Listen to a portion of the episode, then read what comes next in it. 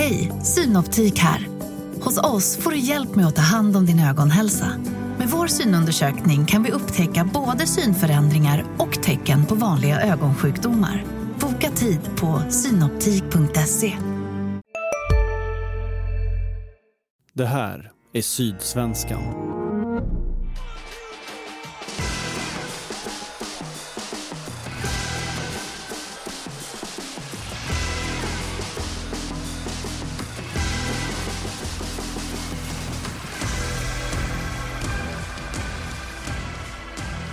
Välkomna tillbaka till MFF-podden. Det här är avsnitt nummer 308. Jag heter Fredrik Hedenskog och jag har sällskap i studion av Max Wiman och Fredrik Lindstrand. Hej på er! Hej! God det. Idag så ska vi prata om Malmö FF eh, faktiskt. Eh, nej, men med anledning av den eh, träningsmatch som är avverkad, MFFs 2-0-seger mot eh, Randers, så ska vi, eh, har vi Eh, försökte ringa in lite olika eh, punkter som vi ska samtala om idag. Det är lite eh, ostrukturerat detta avsnittet vill jag bara varna för redan från början. Men eh, det kanske kan bli något att lyssna på. Tre, ändå. tre punkter om MFF är i alla fall bättre än 50 punkter om skillnaderna på män och kvinnor. Så på det, där är vi, känner vi oss redan som vinnare kanske. Jag förstår inte vad du pratar om för någonting. Eh, våra punkter är också bevisade i studier. Så Mm. det känns Ja. skönt. Faktabaserade. Ja. Ehm, Fredrik, du får ordet först. Vad tycker du att vi ska prata om? Ja, alltså nu blir jag nästan så att jag, min punkt kanske inte handlade så mycket om matchen som den borde göra. Men, jag, Nej, men det, jag tänker det är mer kan, utgångspunkt. ja, jo, då skulle jag vilja slå, an, slå in, slå in, då skulle jag vilja ta upp punkten. Du slår in dörrar. Ja, precis, slå, den öppna dörren. Det har jag redan gjort. Ja, nu blir det svamligt här direkt. Eh, Sergio Peña och Hugo Larsson som en sittande punkt. Eh, nu spelar de varsin halvlek mot Randers, men på träningarna har de påfallande ofta eh, kamperat ihop. Eh, Rydström har ju liksom, i alla fall tenderat till att dra sin, eh, sitt lag som är en 4-2-3-1 uppställning och då är det Larsson och Peña som har varit de här två sittande, vilket ju är en liten skillnad från Milo som hade en sittande sexa då. Det här är väl två sexor fast med ganska klart uppdrag att de, de får dra framåt om de vill. Men det är ett rätt häftigt innermittfält och, och ur MFF synvinkel så, så hoppas man väl att att båda de två är kvar när det här fönstret stänger. Det väl finns väl inga garantier för det. Kanske framförallt inte med Peña då. Eh, men ja, otroligt bolltryckt. Kan liksom slå ut lagdelar bara med bra passningar. Dessutom har kanske Larsson också ett sånt där härligt driv framåt med bollen. Och det är, det är liksom lite intressant det där med att Rydström vill eh, flytta ner honom lite i plan. Det var, ju, det var vi ju inne på tidigare också där att han hade skickat klipp på, på Rodri eh, mitt i Kalanka där på julafton. Eh, och det verkar ju verkligen som att han gör allvar av, av det. Då tycker jag det är intressant att man kan kasta in en pjäs till i den diskussionen. Som heter Oskar Lewicki och som vi kanske inte trodde skulle komma tillbaka efter allt skadestrul två år. Men jag tyckte att hans andra halvlek, framförallt första delen av den i den här träningsmatchen var väldigt, väldigt lovande. Det var mycket den gamla Oskar Lewicki och eh, väldigt positionstrygg och mycket bra passningsspel framåt. Eh, gav stadga och så- såg ut som, som den gamla Oskar Lewicki så att eh, det kan bli väldigt intressant. Mm. Ja, men för där, man kan alternera lite med vilket typ av mittfält man vill ha. Eh, Med Lewicki får man kanske lite, ett lite tryggare spel och ett spel som kanske lämpar sig lite bra om man till exempel möter Hammarby borta eller vad det kan vara där man kan förvänta sig en, en liten annan anstormning och en annan typ av matchbild medan Peña och Larsson kan stå för något annat lite snabbare och lite rakare spel till exempel. Det finns ju också eh, Emanuel Lomotey och, och eh, Sibi i truppen. Det blir, om man nu väljer att dra ner mm, eller placera Peña och Larsson där så är det ju ganska många spelare på, den, på de positionerna. Mm. Vad, eh, vad, ska man, vad ska man göra åt det? Ja, nej, men det, det, det kan man väl tänka sig att inte alla är kvar när säsongen är slut och möjligen eh, eh, framförallt Sibi är ju, är ju inte i skick att, att spela kanske förrän, ja, det är svårt att sitta här och säga det, men jag skulle kunna tänka mig att han kanske inte är fullt slag igen förrän till sommaren i alla fall. Det var en ganska svår eh, skada. Men, men, men när vi ändå är inne på omdömen om eh, centrala mittfältare så tycker jag Lomotey såg ganska intressant ut också. Eh, även om han spelade ganska, vad ska man säga, tog väl inga jätterisker och liksom ville väl komma in i det. Och... Jag tycker också att Lomotey såg bättre ut men det är kvar fortfarande i honom väldigt, en del väldigt konstiga beslut som gör att eh, jag är osäker på vad det blir av det. Eh, men eh, apropå konstiga beslut så får man ju också i ärlighetens namn säga tycker jag att Peña blandade ju verkligen ja. högt och lågt i den halvleken han ja. spelade. Det var ju ett par riktigt eh, tveksamma passningar. Jag är ju den som verkligen vill se honom lyckas för jag, jag älskar ju spelartypen i grunden. Men jag satt faktiskt och tänkte på under matchen hans eviga bolltrampande, att alltid liksom trampa två gånger på bollen innan han spelar vidare. Det, det, där finns ju brister i det men, men jag skulle väldigt mycket önska att han lyckas i MFF för jag tycker att det är en fantastisk fotbollsspelare.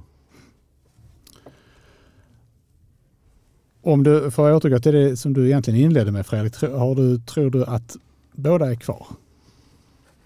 När allsvenskan startar?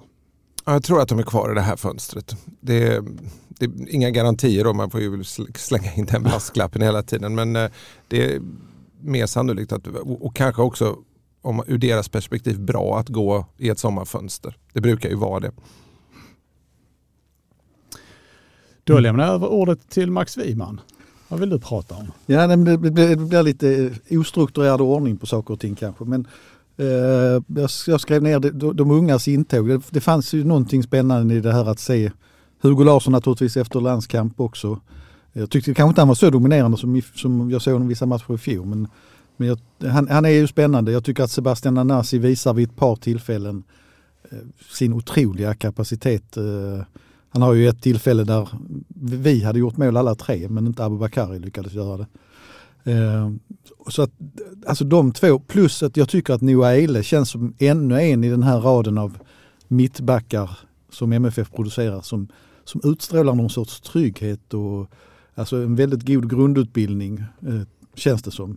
Det var inte så att han var jättehårt ansatt men det ser väldigt, väldigt spännande ut. Och sen den som, som jag kanske ändå är mest osäker på det är Patriot Seydou. Eh, som gör ett väldigt fint mål och gör vissa eh, saker som är väldigt fina men som, det känns som man väger lite lätt mellan varven fortfarande. Och någonstans tänker jag så här att alla de här unga kan ju inte spela på en gång. Det kommer att bli för lättviktigt men, men det finns någon sorts MFF-DNA på väg fram igen där som, som jag tycker eh, ser väldigt spännande ut. Fredrik, hade du några reflektioner kring detta? Just de unga. Ja men mittbacksbiten är ju intressant tycker jag med Eile och så. Han intervjuade honom i, förra veckan och han, han pratade om, du frågade bland annat hur kommer det sig att MFF får fram så mycket mittbackar? Då menar han ju på just det här att skolningen i MFF är väldigt bra. Att man, man är liksom inte, även om man möter ett bra lag i P17 så uppmuntras man att spela bollen framåt och och liksom våga kliva upp i plan och, och, spela det spelet som man, man ska utveckla. Så att, och att MFF har varit ganska tidiga med att, med att ha det synsättet från, från unga år. Då. Och när man väl kommer upp i A-laget så är man, då är man redo och spelar ett, ett så att säga internationellt spel. Om man säger ett, ett spel som utländska klubbar är sugna på och tittar efter. Det är liksom inte bara en markeringsback så att säga. Men är det, är det, håller du med Max om tanken här att, att det kanske är, att det blir liksom för mycket med alla på en gång? Ja, men det, det, det får man väl ändå säga att det, det blir. Och det, det, kommer vi väl återvända till i framtida punkter här i avsnittet också. Nej, men det, är klart, man kan inte kasta in eh, liksom det här hungriga, ivriga, talangfulla på en gång. Sen så får man också tänka på att det är januari, det är första träningsmatchen. Då brukar de unga alltid vara hungrigast. Sen så brukar det äldre gardet varva upp. Anders Christiansen var ju till exempel inte med. Det tar ju längre tid när man är äldre. Så är det. Att komma igång. eh, då skulle jag vilja fortsätta med att prata lite grann om, om um, hur det såg ut uh, runt omkring planen på Malmö IP. Det var ju alltså över 3800 åskådare uh, på fredag, en fredag eftermiddag. Visserligen uh, gratis entré med, eh, med frivilliga bidrag till eh, MT96. Eh, men, men ändå en imponerande publiksiffra. Inte minst kanske då sett i perspektivet att det var ett lag som slutade sjua i allsvenskan som mötte den danska ligasexan. Och där får man ju säga att, att det kändes ju som att i ganska stor utsträckning är Rydström-effekten som, som gav utdelning där. Tycker ni att den, kunde man se något av den på planen? I de här 2 gånger 45 som var. Men det, väl, det, visar väl kanske det som vi var inne på där, just i de här unga hungriga, de som kanske inte riktigt släppts fram så mycket tidigare. Som inte kanske känner sig så säkra på sina platser. De, liksom, det är en lite ny vår för dem. Jag menar Lasse Nilsen till exempel. Jag har inget ont om hans insats eh, den här matchen men det är liksom, han måste ju inte visa upp för tränaren vad han är bra på och så vidare. Det vet ju eh, Henrik Rydström. Medan liksom Seidu vet ju kanske att det kommer in någon mer på den positionen han har och Nanasi vet att det kanske blir en kamp med Ali och då gäller det liksom om den positionen till vänster som forward. Då. Så det gäller att visa redan från start att man är, man är långt fram. Jag skulle nästan vilja stanna kvar utanför planen. Ja. Eh, för att eh, jag kände när jag gick eh, ner till, till gamla IP och man såg det här havet av människor, som, eller framförallt det första jag såg var havet av cyklar. Eh, för det var helt galet. Eh, men sen havet av människor på väg in. Så var det lite gåshudskänsla över det för att jag, jag hade lite tankar efter den dåliga säsongen MFF hade i fjol. Eh, att, att det skulle vara lite rycka på axlarna att, att det liksom ändå skulle ge effekt nu av att det var så pass dåligt i fjol. Men det är ganska uppenbart och det blir ju ofta den effekten också när någonting har gått dåligt att det blir en stor förväntan på att det ska gå bra igen. Eh, och det är ju säkert en Rydström-effekt i det för att det finns ju inte så många superspännande nyförvärv än så länge. Eh, så att jag, jag tror att, att eh, den grejen, det, men det sätter också ett tryck på Rydström och MFF att det måste gå bra i år för jag tror inte att man kan behålla den känslan om det skulle gå dåligt ett år till.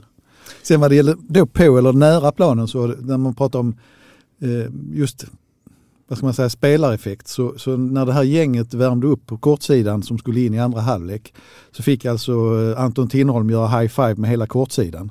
Eh, och där tror jag också, där tror jag var, där var en effekt som man såg både liksom jag tror publiken var väldigt nyfikna och tyck, gillade att han var tillbaka. Men man såg också en effekt på planen, vilket vi kanske också återkommer till i en annan punkt. Ja, det går in, de går de in, in i varandra. Det här är då bristen på struktur som gör att det blir så här. ja, men det är väl bara bra att det väver ja. ihop det hela. Så att säga. Men det, säga... var, det var en magisk känsla. Och sen tyckte jag i och för sig, jag vet inte riktigt om de kom fram till 3800 åskådare, för jag, jag såg inte att de räknade när, när man gick in där, det är möjligt att de gjorde det. Men, men i vilket fall som helst, eh, det var en, en, en väldigt mycket folk för att vara en träningsmatch en fredag klockan tre. Är det inte att eh, evenemangsansvarig Patrik Jandelin har ett så här ofelbart ögonmått? han bara kan liksom svepa lite grann över Malvip och så slår han fast en siffra. Ja, men siffran var lite för exakt den här gången. Men, men, är, men det är möjligt att, att, man att är skyldig att räkna?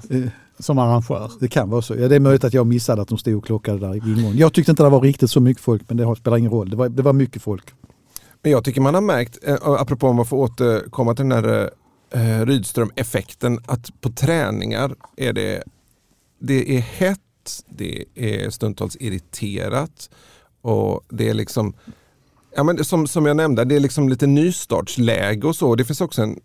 Det är, också, det, det är förstås vanskligt att prata om det när man sitter på läktaren och följer en träning. Jag kanske kände exakt likadant för den här tiden förra året när Miro hade över att man hade samma känsla. Men jag får liksom att en, en liten vibb av att det finns en, en stor revanschlusta i hur, hur spelarna tar sig an övningar på plan och, och kanske framförallt då spelövningar. Att det är väldigt intensivt och fokuserat och, och, och det är mycket det är liksom vad heter det, positiv affirmation heter det, va? när man går runt och high-fivar och sådär. Men det är viktigt att vinna de här matcherna och det är liksom inte avmätt på något sätt. Kanske också med, vad blir det, två, tre veckor in, eh, det kan bli längre träningar sen, men jag tycker att de kanske är lite mer de är lite kortare jämfört med Milos träningspassen och kanske lite mer intensiva. Milos hade ju en förmåga att, att bryta träningen och ganska långa taktiska utläggningar där spelet stod stilla. Rydström stannar i och för sig också av spelet ibland, men det, är inte lika inte lika långa utläggningar.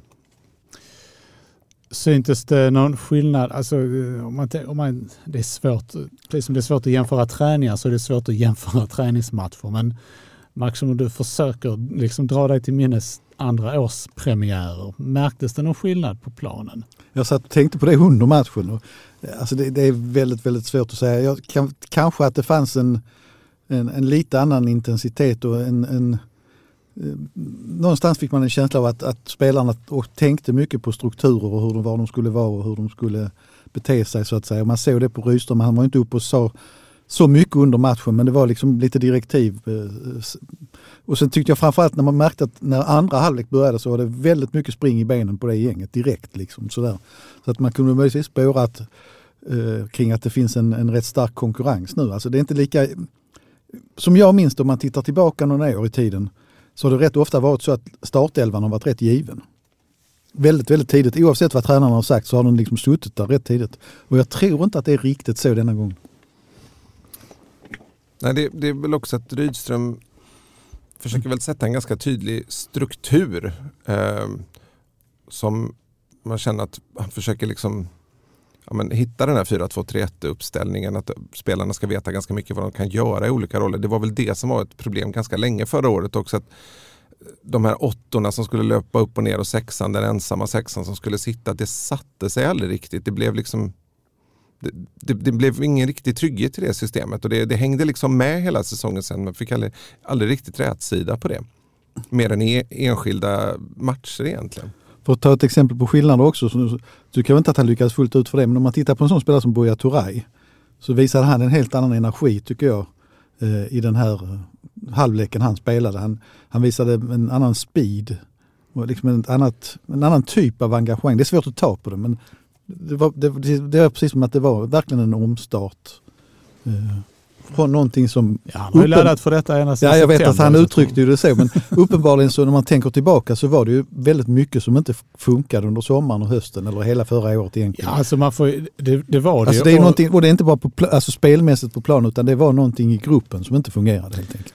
Nej, och det gäller, jag tänker att det gäller väl i synnerhet för, för alla nyförvärven. Alltså, det var ju en extremt otacksam situation att komma in i och försöka jobba sig in i, i laget. Ja. Liksom. Sen tror jag folk ska vara försiktiga med att förvänta sig en konstant framåtrörelse nu under Rydström här på försäsongen. Det pratar han ju själv om att han, att han vill utmana spelare och liksom lära dem att tänka på ett lite annat sätt emellanåt. Och det, det kan bli då att man tar kanske ett steg tillbaka i utvecklingen för att ta två steg framåt. Och det lär väl gälla även kollektivt tänker jag. Så att nästa match mot Nordsjälland här på fredag kanske man vill testa lite andra grejer och, och, och att det kanske inte ser eh, om man nu tyckte att det såg väldigt bra ut, det gjorde det ju inte, men det, det, det var väl på många, sätt- många vis en, en typisk första match för säsongen så att säga. Men det, man kommer ju vilja pröva sig fram för att hitta rätt eh, recept. Det är inte så att Rydström har en tydlig plan där han vet redan nu exakt hur han vill spela i, i premiären. Han kom, det kommer han ju också lära känna manskapet på ett sätt. Då kan du få gå vidare Fredrik med eh, nästa punkt. Mm. Ja, men eh, där tänkte jag att det, blir, det ser ut att bli en kamp mellan Cornelius och Eile och det är väl kanske ingen som tycker att det är det är ingen nyhet direkt att det kommer bli det men det, det verkar ju, jag får liksom bilden av både på matchen och eh, på de eh, träningarna jag har sett att där det är ofta Nielsen i ett lag tillsammans med i första hand Chalus men också Kotto. De, Chalus och Kotto byter eh, underövningarna under övningarna då. Eh, och sen så är det Cornelius och Eile som spelar tillsammans ofta då. Och det känns ju som att det står mellan dem den här andra mittbacksplatsen. Nu fick ju Cornelius chansen då bredvid Nielsen i matchen men det skulle förvåna mig om inte det är Eile som spelar med Nielsen nu på fredag till exempel. Vad är, vad är omdömet om Derek Cornelius då efter 45 minuters träningsfotboll? Det är, alltså det är jättesvårt men jag, jag tänker, om jag tänker tillbaka på hur det var när Chalus kom så blev det väldigt mycket negativa tankar direkt kring honom. Och det tycker jag inte man såg kring Cornelius utan jag tyckte man såg, man såg en del kvaliteter, absolut. Han tog för sig ganska bra faktiskt. Hade någon bra uppspel och slarvade med något men eh, kom efter en gång, han var inte så snabb eh, i en kontring. Nej, det var en kontring där han inte Där kom var han ikapp. riktigt, det är eh, riktigt. Den som, som slutade med avslut i ribban. Nej, precis, precis. Men så att det, det, ja, det var väl ett steg upp där men sen om, om det... Alltså jag, jag, jag tycker att Eile ser spännande ut och det är klart man har det i tankarna de här unga mittbackarna som MFF, MFF själva har fostrat att, eh, att eh, det kan vara bra att ha en sån bredvid Nielsen som då är gammal och rutinerad. Men, men det känns lite stabilare men jag vet ju inte. Det är, Pontus Janssons ande svävar ju över det här fortfarande på något sätt. Och nu har ju Filip Helanders ande också Han kom insvävande. Ja, så att eh, det, där är det lite svårt att se hur allting slutar mer än att eh, det är väl fortfarande så att Chalus är väl en spelare som det känns som att MFF skulle behöva låna ut eller sälja på något sätt för det, annars blir det ju för många där.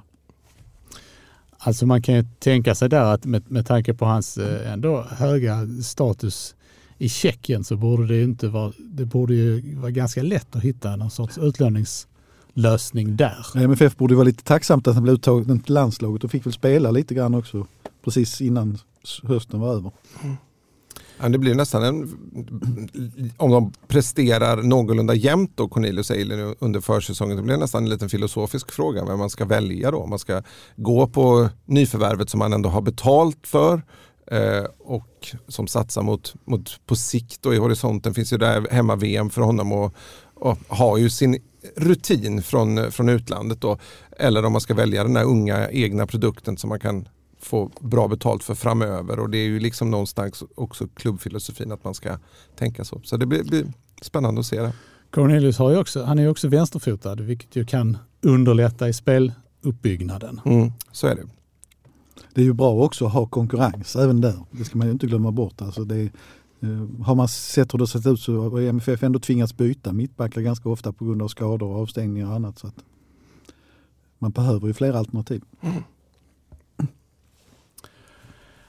Eh, Vi går vidare då med eh, Max Wimans nästa punkt. Jag visste inte riktigt vilken ordning men jag, jag, Ja, får, du tar följa, vilken ordning du vill. jag får väl följa ordningen jag har skrivit upp det i så, så, så, så är fundersam, eller man tänker runt Martin Olsson eh, och det som hände runt honom. Det är ju en, en markering. Eh, det som hände, han har ju alltså då varit försenad tydligen till flera samlingar.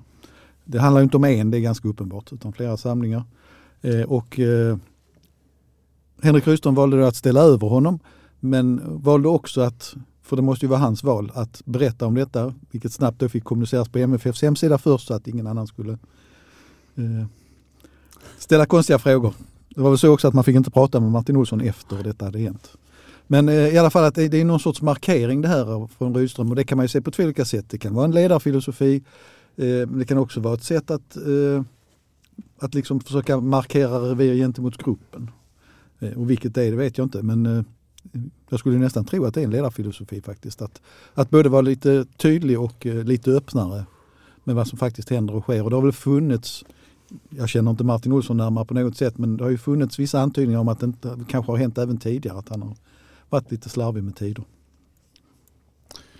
Var, var, eh, var står MFF i, i vänsterbacks eh, ekvationen nu då, Fredrik? Med tanke på, det, med, med, på nyförvärv också. Ja, de är ju tre, så en för mycket. Jag, jag har fortfarande svårt att, att se det som på något annat sätt än att det blir Jonas Knutsen som, som försvinner. Just för att Martin Olsson skrev ändå ett nytt tvåårsavtal ganska nyligen. Då. Och eh, ja, Bosanello är ju, är ju här för att stanna ett tag i alla fall. Det, det lämnar oss med Knutsen och Knutsen hade ju problem förra året. Visserligen tillbaka då från en, en svår knäskada men ah, jag, jag vet inte, det känns som han sitter nog också på ett ganska, ett ganska, en ganska bra lön. Eh, en, som är en, en utgift som Malmö FF kan tänka sig att bli av med om de kan hitta något bra. Sen har det väl surrats lite kring Knutsen också. Sydkorea bland annat nämnts. Det är mycket, mycket med Sydkorea nu. Tycker Är- jag. är det så? Ja, men det är, så det är många, många avhopp från allsvenskan dit. Ja, vi har. Gustav Ludvigsson gick väl dit va? Ja, och var inte Bojanic också? Mm, stämmer ju. Och Mm. någon till här för mig. Ja. Eh, Men, men ehm, han- visade Knudsen någonting under sina 45 minuter? Alltså, det var lite spännande för att jag tyckte han visade lite grann framåt. Att han eh, kom fram, det har han väl kanske gjort även tidigare, men han hade ett par samspel med eh, Taha Ali. Tahai Ali precis. Eh, däremot så tyckte jag att bakåt så var det lite darrat några gånger fortfarande att han har tappat mycket fart känns det som efter sin skada. Eh, så att jag, jag har väl samma känsla av att det är han som försvinner. Samtidigt som då Martin Olssons status förändrades ju lite grann i truppen. Men jag har svårt att tro att det är han som försvinner. Utan det, det är väl så. Och sen eh, naturligtvis den här brassen som vi då mötte i en spännande intervju i Sydsvenskan idag. Eh, när han väl landar i Malmö så blir det ju väldigt roligt att se honom och vilken nivå han håller. För det är, MFFs brassehistoria är ju ganska spännande. Ända från det första misslyckandet en gång i tiden med Montero på 70-talet och över betydligt mer lyckade spelare som Afonso Alves, Wilton Figueiredo, Eh, och, och eh, inte minst Ricardinho på vänsterbacken. Och så då de här som har varit lite mittemellan, Junior och Gabriel och jag glömmer säkert någon. Men eh, det, det, det, är klart att sådana spelare kittlar lite extra. Så att, eh, det, det, känns ju någonstans ganska tydligt att, att brassen är väl ett första val. delar du den eh, bilden Fredrik? Ja, jag, inte hundraprocentigt. Jag, jag skulle tänka mig att det är så här att Martin Olsson är ändå väldigt stark i defensiven. Eh, och eh, när han är frisk så är han också pigg offensivt. Eh, just, just, hans problem är ju att han för sällan är frisk över en längre tid vilket gör att det blir lite svårt att, att spela in honom. Eh, Busanello har ju varit inte helt ordinarie i den ukrainska ligan. Eh, dock i den brasilianska ligan. De har ett väldigt konstigt ligasystem så det är lite svårt att internranka deras olika obegripligt, pro, pro, pro, provinsligor där. Men, men visst, eh, håller väl säkert hög klass där också. Men eh, om man tittar på statistik från den ukrainska ligan så är det, det är liksom inte så att han har toppresterat där. Eh, så det, det gör ju att det blir ganska svårbedömt. Och, han har ett år kvar på kontraktet och han hade en utköpsklausul för han var utlånad då till Dnipro. Eh, som de valde att inte utnyttja och den var på 6,5 eller strax över 6 eh, miljoner kronor. Det är väl någonstans där MFF har betalt. Liksom, det, det fanns säkert om man hade liksom varit stor succéman så hade det väl säkert varit ganska hård konkurrens om honom kan jag tänka mig. Just att affären ändå är ganska ekonomiskt fördelaktig. Det blir spännande att se. Han eh, ansluter Eh, när skulle han ansluta? Kommer till veckan. Det var väl inte spikat exakt vilken dag tror jag. Ja, det är kanske därför jag inte vet. Det handlar väl väldigt tydligt inte bara om pappersexercis utan ekonomiska transaktioner. Det är säkert ingen tillfällighet att han befinner sig i Köpenhamn. Eftersom han, de, de, den så kallade sign-on-bonus som utbetalas till sådana här spelare måste betalas ut innan de befinner sig i landet. Då tänkte jag att vi skulle prata om en av de sakerna som vi har berört lite grann, nämligen Anton eh, Tinnerholm. Eh, det var mycket som, som kändes igen tyckte jag. Eh, attityd och energimässigt.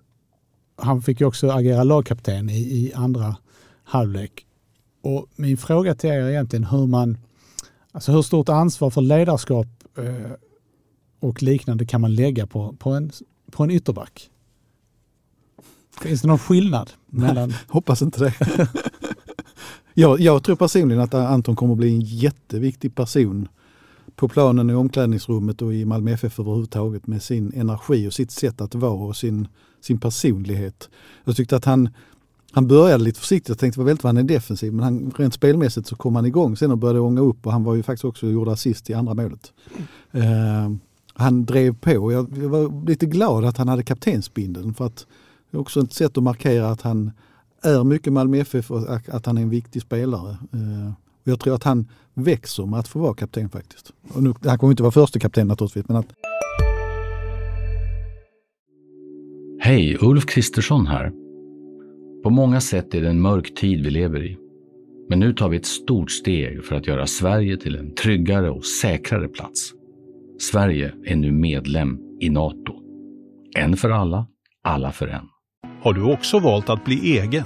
Då är det viktigt att skaffa en bra företagsförsäkring. Hos oss är alla småföretag stora och inga frågor för små. Swedeas företagsförsäkring är anpassad för mindre företag och täcker även sånt som din hemförsäkring inte täcker. Gå in på swedea.se företag och jämför själv. Liksom i det här spannet i alla fall. Ja, men det finns väl gott om kulturbärare på, på den positionen. Cafu, Gary Neville, eh, Philip Lam. Alltså, det behöver liksom inte, man behöver inte vara centralt i plan för att, för att vara ledaren. Ytterbacken funkar också. Ja. Roland Andersson, Ingemar Erlandsson. ja, men Ingemar Erlandsson har vi fått. Jag är han är ju fortfarande inom mitt fältare för mig. jag, jag såg aldrig honom som ytterback. Ja, nej men, eh, nu kan inte jag påstå att jag har liksom följt MLS jättenoga, men det jag har sett av Tinnerholm där var ju ändå en spelare som var betydligt mer aktiv offensivt än, än den som han var under, under stora delar av sin tid i MFF. Kan man förvänta sig det nu också, Fredrik? Det var väl egentligen främst utpräglat offensiv i matchen mot Elfsborg 2017. liksom en av de den. sista matcherna. Ja, precis. Ja, men det, det tror jag nog. Han har nog utvecklat sitt, uh, sitt offensiva spel. Uh, det, det, är liksom min bild av, av, av vad som har hänt med honom i USA också. Och, man, eh... och det, är också, det, det, är också ett krav som Rydström har på sina ytterbackar och Malmö FF överlag har haft de senaste åren att man vill ha upp dem längre i plan. Det blir speciellt viktigt när korridoren blir lite större när man spelar, eh, när, när höger eh, ytter, höger, när ytterforwardsarna drar sig inåt i plan så pass mycket som de gör. Vi har ju till exempel eh, Nanassi som, som alltid skär in i plan. Han är ju högerfotad på en vänsterposition. Eh, där behövs det någon som löper i, i korridoren. Vad innebär det här för Felix Beijmo då? Max? Det var ganska lustigt. Han gjorde en rätt bra halvlek som vänsterback faktiskt. Bortsett från att han hade väldigt dålig teknik när han kom till avslutslägen. Där framme. Jag vet inte vad som hände. Men eh, jag, jag ser Tinnerholm som nummer ett, men det kanske är för att jag har den här bilden av eh, vad ska man säga, ledarfiguren. Jag, jag, jag tyckte Beijmo var väldigt snabb, snabbare än i fjol tyckte jag. Så att han kommer säkert att sätta press på Tinnerholm. Eh, så att eh, ja, jag, jag, tror på Tinnerholm som nummer ett men det, det är mer en känsla än logiskt tänkande. Men det, det är också det, det, är en väldigt sund konkurrens att ha på en position men samtidigt är det också sådär att vill Bejmo, nu spelar han nästan mest eh, i MFF i fjol, kan han tänka, är han okej okay med att gå ner i tid med tanke på vilken var han befinner sig i sin karriär eller är det snarare att han är liksom på väg bort och det är kanske egentligen bättre att ha en sån konkurrenssituation som Ailey och Cornelius då till exempel där det finns en etablerad och en ung som kanske inte liksom kommer kräva den speltiden direkt. Det blir liksom lättare att ställa över den så att säga. MFF har ju en historia av att ha just att kunna skifta på högerbackspositionen och köra med olika spelartyper och, som har fungerat väldigt bra under under eh, flera års tid här. Om man, eh, om man eh, utgår från att det här 4-2-3-1 eh, är det sättet som, som MFF kommer att spela på i huvudsak. Finns det någon möjlighet för Tinnerholm eller Bejmo att spela på någon annan position i en sån uppställning? Jag, nej, jag ser det nog kanske inte så. Bejmo kan ju spela centralt i försvaret också om det skulle behövas. Eh, men absolut inte no, liksom, som att det är en 50-50 deal för honom. Och, ja, det, det, det, skulle väl vara som att man, om man testar någon av dem som ytterforward. Men, men det känns som att det finns rätt goda alternativ där ändå. Kanske i nuläget inte så på, på, hög, på den högra sidan då, men jag tror, ja. Nej, Ja, nej, jag kände lite det, för det hade mm. varit skillnad kanske om de hade spelat 3-5-2 med, med wingbacks. Då hade det kanske funnits liksom mm. lite alternativ. kommer man ju säkert använda sig av den formationen under säsongen i enskilda matcher. Bero, lite beroende på vad man ställer upp. Om man till exempel tar sig till ett, ett Europakval.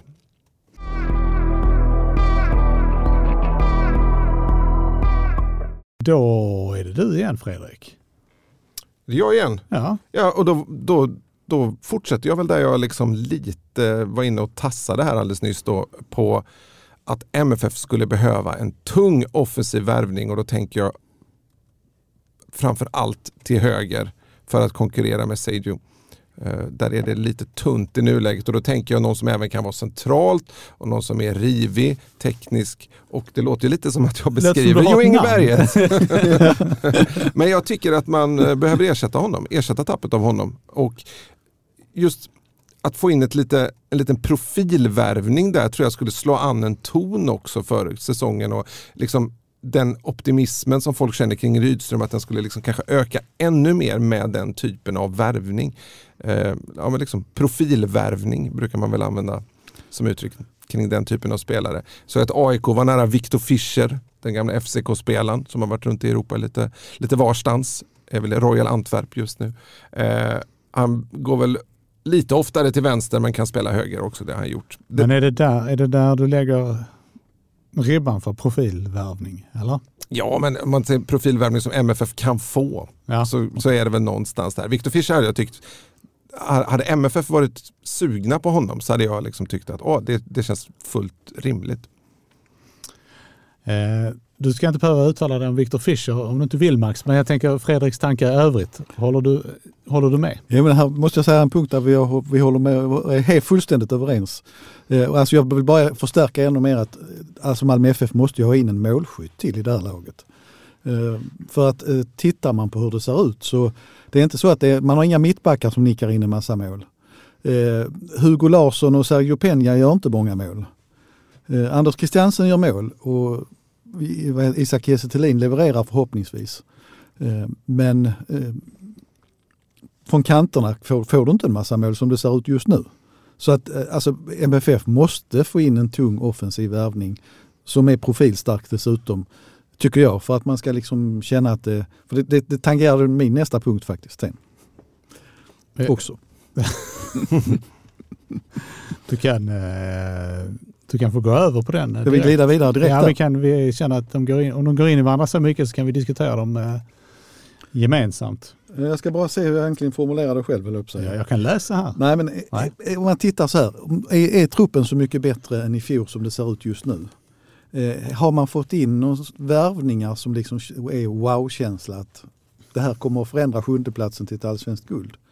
Eller ligger allt tryck på Henrik Rydströms förändringsarbete? Och då tycker jag så här just nu att ja, Eile är spännande, Nanasi är spännande, det är två unga spelare som har kommit in.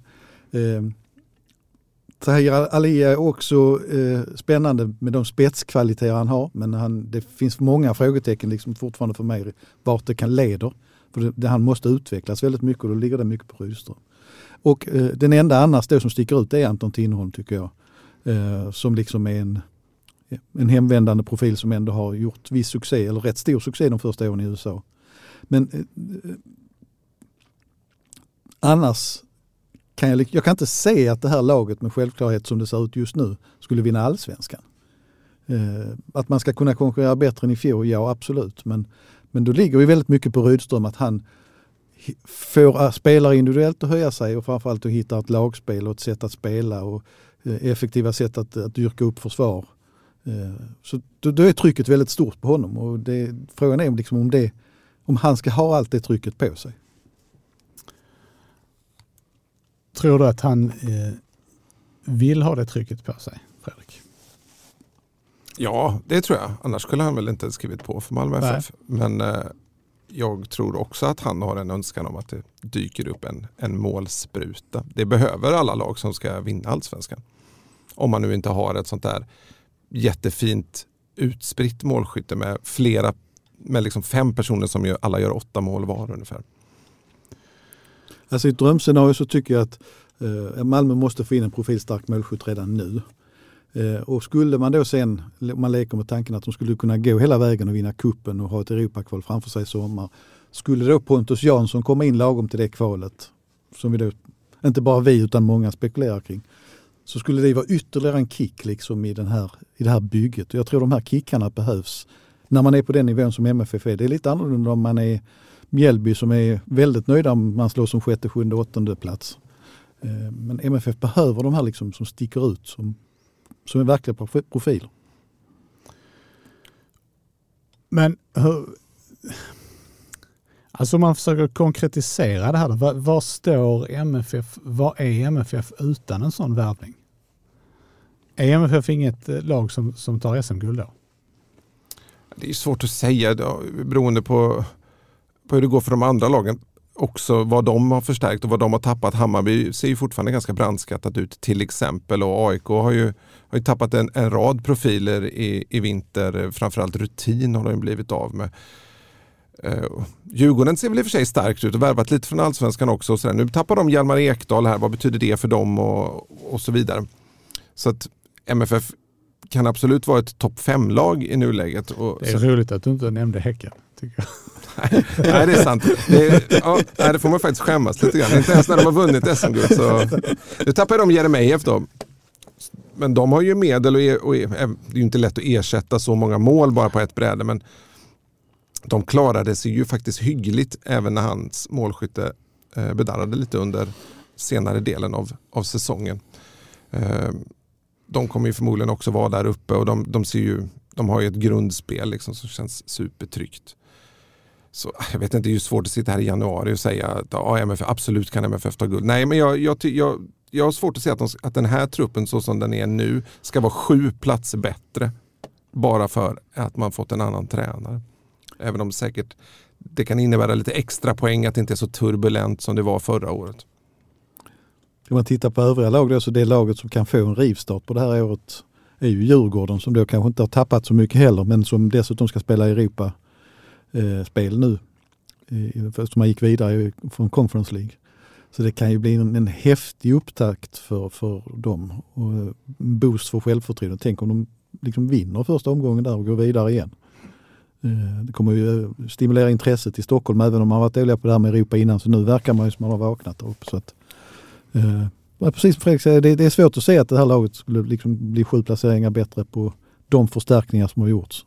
Och då ligger trycket på Rydström. Mm. Och det blir ju naturligtvis jättespännande men är det rimligt att han liksom ska kunna lyfta dem så mycket? Och det ställs ju på sin spets direkt då för att det här truppbygget ska ju det ska liksom inte leverera på sikt. Det måste leverera redan i mars i, trupp, i kuppens kvartsfinaler och i semifinaler. Eh, Räkna med att de klarar gruppen. Ja, jag, jag vågar faktiskt det. Nej, det kanske man inte borde göra. För det, det har ju varit så med Malmö FF att, att var, varannat år så når de final och varannat år så gör de fiasko. Så ja, det ligger väl i och för sig ett fiasko i pipen här nu. Ja, de har ju ett par farliga, med Luleå inom, inomhushall. De har haft problem, jag kommer inte glömma när de mötte Östrup i tipshallen där. Det var liksom bland det mest, ja det var, det var, det var helt otroligt dåligt. Eh, det är en annan miljö, det vet man aldrig hur det påverkar. Och sen Degerfors är inget lag att leka med. nej, Nu tappar jag det fjärde laget bara för det. Skövde. Skövde är ett lag att leka med. Degerfors är också det enda svenska laget som inte åker på träningsläget Solen utan de är kvar hemma och bara slipar formen på de här bedrövliga planerna. Liksom. Så de kommer ju vara redo för uppgiften. De kanske ser det som trippen till solen. Eller i alla fall söder. Mm. Matchen i Malmö. Det är ju det oundvikligen. Eh, ska man, Eh, jag tänkte på det här med, med eh, den eh, målsättning som, som väl kanske då framförallt Anders Paulsson har uttryckt med, med topp tre. Ska man se det som någon eh, Alltså att, att, det, att det är sagt för att bromsa förväntningarna på värvningar också? Eller är det bara för att bromsa förväntningarna på resultat? Jag tror det är lite, eh, vad ska man säga, det är inte, ja, på sitt sätt är det ju en självinsikt men kanske mer att försöka få omgivningen att komma till självinsikt. Med tanke på att Malmö FF blev sjua förra året så är det ju ganska kaxigt att säga att vi ska vinna eh, i år. För då hade det ju liksom krävts att en Marcus Rosenberg stod på planen.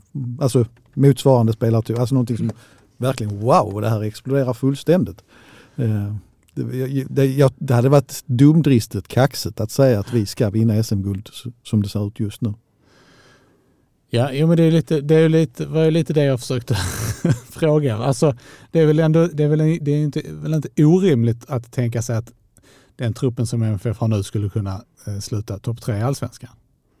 Nej, det, nej, men då ska ju väldigt mycket stämma också.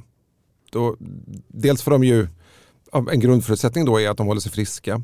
Det är möjligt att MFF hade ju förmodligen redan förra året kommit mycket, mycket bättre, eller mycket, mycket bättre, men i alla fall några placeringar bättre med en frisk trupp. Det, det liksom slog an någon konstig falsk ton för säsongen där, där, där, liksom, där mycket började gå fel och liksom dåliga saker förstärktes av att man inte kunde ställa ett ordinarie lag på plan. Det blev, det blev ingen ordning så att säga. Så redan där är man väl kanske några placeringar bättre då. Men det, det är så mycket som ska stämma över 30 omgångar för att man ska vinna guld. Det, det är liksom eh, en, en god portion tillfälligheter ska in också. Nu hade man ju ändå kuppresan i fjol som slog en positiv ton så att säga. Men jag tror att det, mm, det är ju det är mänskligt det här också. Jag tror, jag tror det handlar väldigt mycket om att, att få en positiv spiral för MFF. Liksom. Allting var bara negativt under hösten. Så det, det, det är väl, dels med tanke på kuppen och eventuellt Europaspel är det jätteviktigt att vara i form tidigt. Men jag tror också det här att börjar man liksom vinna, man får självförtroende i de unga spelarna, Rydström känner sig trygg, eh, så kan det bära hyfsat långt. Eh, men det gäller liksom att man verkligen får in de här positiva vibbarna rätt så snabbt. Inte i de här första träningsmatcherna men, men eh, i alla fall i kuppen sen. min eh, tredje punkt känns som att den är ganska avverkad. Det handlar ju mycket om, om eh, anfallsbesättningen också så att jag tänker att vi kan hoppa över den för att den inte ska sitta här och upprepa oss i onödan. Men jag tänker att eh, vi här avslutningsvis ska prata lite grann om matchen mot Nordsjälland. Eh, inte i, i, några jättelängder för att det, det känns inte så meningsfullt den här tiden på året. Men eh, Fredrik, om du, du var ju lite inne på att, att eh, Eile, du trodde Eile skulle spela med Nilsen, nu Nilsen i den matchen. Va, vad förväntar du dig mer att få se? Alltså, jag tycker det är svårt att, att, säga att man får se så mycket på bara 45 minuter. Det är ju, det är ju liksom, ofta när benen blir lite, blir lite tröttare i andra halvlek som liksom de är, man verkligen sätts på prov så att säga. Men eh, de, de, det var ju lite slarvigt emellanåt från mittfältet. De fick ju ändå en, rätt mycket jobbiga omställningar mot sig eh, och räddade väl ut det hyggligt överlag tycker jag. Ja, släppte inte in några mål. Där är det ju en bra start så att säga. Mm. Ja, det var ju en, en, en jätteräddning från Dalin och ett, ett avslut i ribban som, mm. som räddade dem i, i första halvlek. Sen i andra halvlek så eh, skapar ju inte Randers särskilt mycket och då hade de kanske heller inte något vidare mm. lag på benen. Men nu är det, nu är det danska ligaledarna. Det ställer lite andra krav. Mm. Jag skulle bara säga vad det gäller just matchen senast så kan man ha i åtanke att Eh, det blev lite förvecklingar i andra halvlek därför att danskarna bytte också hela uppställningen i paus och eh, ville en bit in på andra halvlek byta en spelare som hade varit in tidigare. Och domarteamet med Kristoffer Karlsson i spetsen vägrade detta. Jag kollade lite med Affe Westerberg efteråt och det är tydligen så att det är väldigt hårda regelverk för domarna vad det gäller internationella matcher att man ska följa det som händer, det som gäller. Och det fick ju en effekt till därför att det var en spelare i eh, laget som, som fick en boll på ett obehagligt ställe när det var en dryg kvart kvar. Vilket innebar att danskarna faktiskt spelade med tio man sista kvarten. Så att det, det blev liksom inte riktigt... Därför blev Malmö inte uppsatta på Vad är det för regelverk? Ja, så att en, en, kan man tillåta elva byten så borde man kunna tillåta en spelare att komma in igen. Ja, jag, jag, jag, jag, har inget riktigt bra svar för det. Jag, har inte, jag var på väg att jag tänkte att jag skulle försökt fråga Kristoffer Karlsson om det, men jag, jag, vet inte. Jag vet möjligtvis inte om det kan ha någonting med Eh, spelmarknaden att göra. Alltså att det blir konstigt om man eh, skiftar, eh, alltså att förutsättningarna ändras fullständigt. För du, du kan ha varit överens om att du får byta alla spelare eller hur många byten du får göra. Men att du får, set, du får till exempel absolut inte sätta in en spelare som eh, ersätter en utvisad spelare. Ja, det För det, det påverkar ju minns man ju själv från mm. matcher man har spelat på försäsongen att var någon åkte ut i den 30 minuten och tyckte båda lagen att nu förstör det ju träningsmatchen ja. bara. Och det fanns en period när man kunde sätta in, jag, jag pratade, just varför jag pratade lite om det också. För han sa att han satt och var rädd i första halvlek och tänkte tanken, vad, vad, vad gör vi om någon av våra spelare blir utvisad i första halvlek? För då, då, då, har vi elva spelare som vi ska spela andra halvlek men vi får bara spela med tio och allting förändras. Så att det, det, det finns någonting i det regelverket som är lite lurigt. Undrar vad som skulle hända om man skiter i det bara till andra halvlek? Att man ändå sätter in elva man? Ja men domarteamet vägrar, de vägrar, alltså, de, de var totalt, ja. eh, var väldigt väldigt tydligt för ja. danska coachen var framme flera gånger. Han var borta hos Rydström som jag, som jag uppfattade som att han liksom gav klartecken att visst sätt ni in en gubbe till. Men domarteamet var supertydliga med nej det, det går inte. Ja. Så att, Härlig byråkrati. Mm. En, en parentes men, men eh, så ser det ut. Nej, men jag, jag, jag tror också man ska komma ihåg att danskarna är mycket närmare allvaret så att säga än svenskarna. Eh, så att det blir ett helt annat prov, prov på MFF. Nu, jag känner inte Rydström så väl men jag tror ju inte att han kommer att toppa laget. Det kan jag inte tänka mig utan han kommer säkert att köra liknande upplägg. Det kanske han redan har sagt, det vet jag inte. Men, men eh, så jag tror inte att man ska tänka för mycket på resultatet i den matchen. Utan kanske mer individuella prestationer. Och, mm.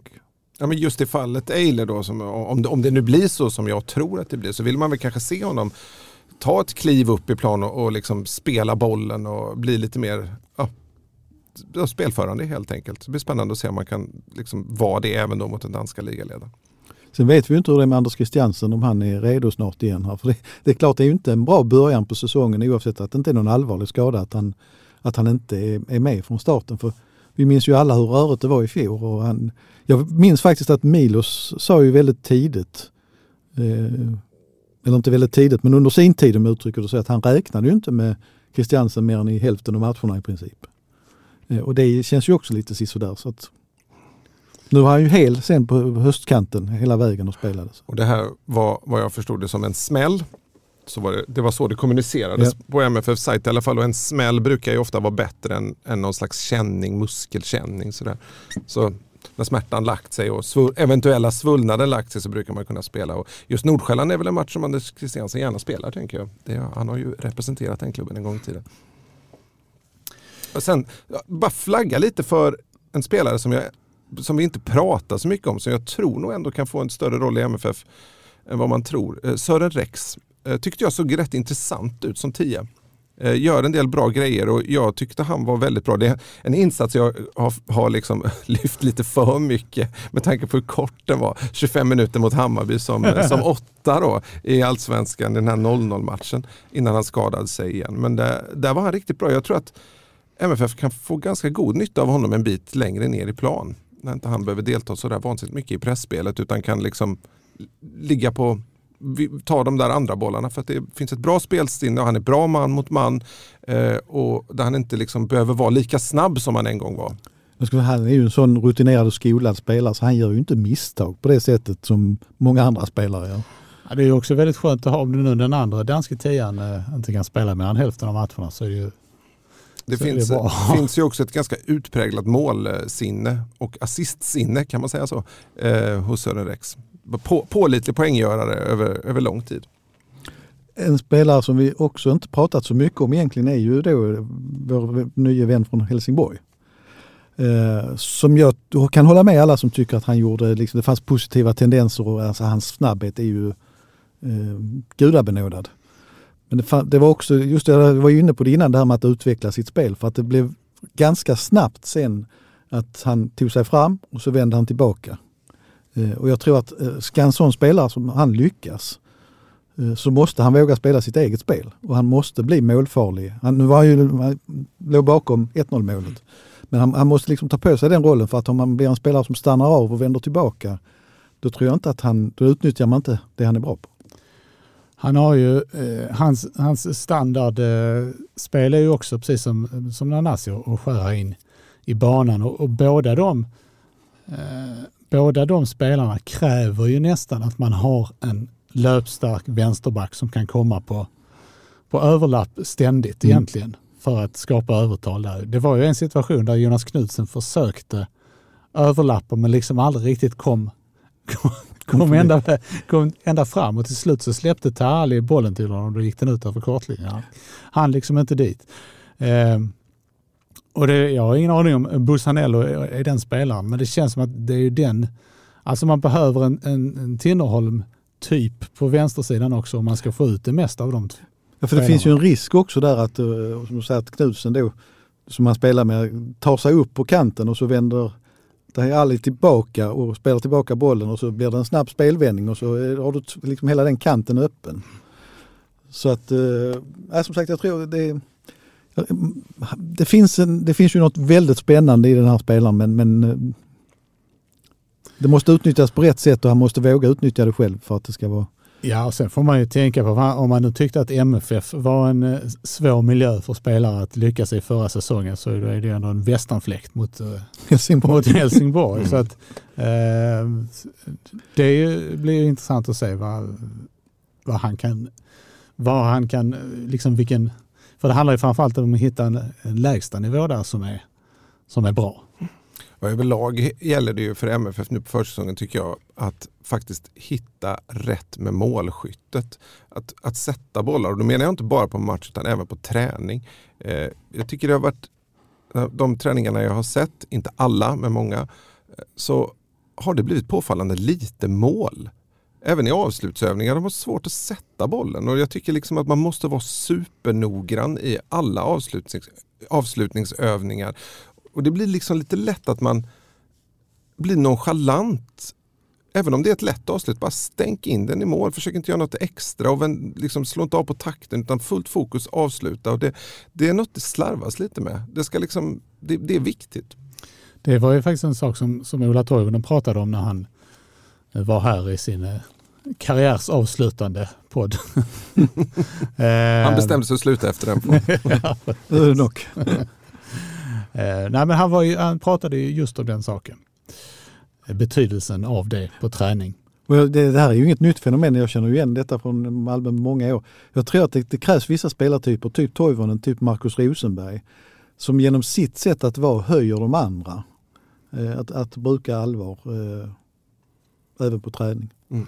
Det är faktiskt ganska, är, nu när du säger det Fredrik så är det ganska många år man har sett att stått och tittat på träningar där det har varit 0-0 och 1-0. Eh, och det är inte, det är inte bra. Nej, vi eh, får se om det blir mer mål på träning och eh, därefter även på matcherna. Det är spännande att de började med en seger och att det liksom är en, det är ju en hållen nolla och två mål framåt. Det är ju ett fall framåt definitivt. Klart det blir spännande. 2-2 mot Jammerbukt blev det i fjol i säsongens första match. Kollade jag upp nyligen. Då är detta bättre. Precis, precis. Det är väl det som talar för att det blir guld då.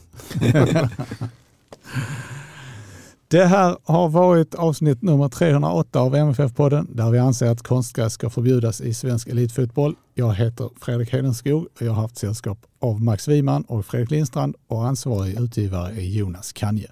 Tack för oss. Hej hej!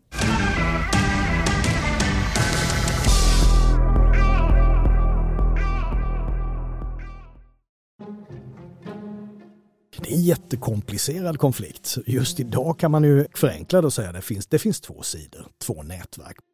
Vilka är det egentligen som skjuter i Malmö?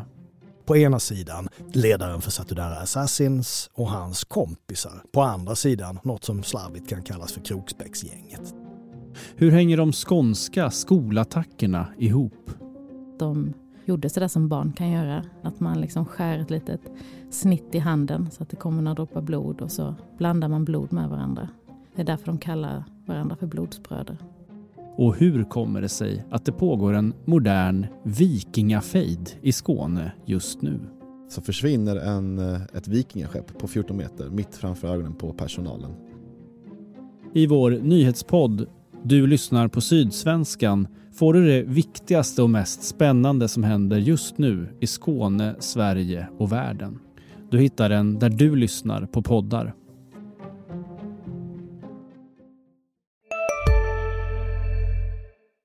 Hej, Susanne Axel här. När du gör som jag och listar dig på en av Krys vårdcentraler får du en fast läkarkontakt som kan din sjukdomshistoria.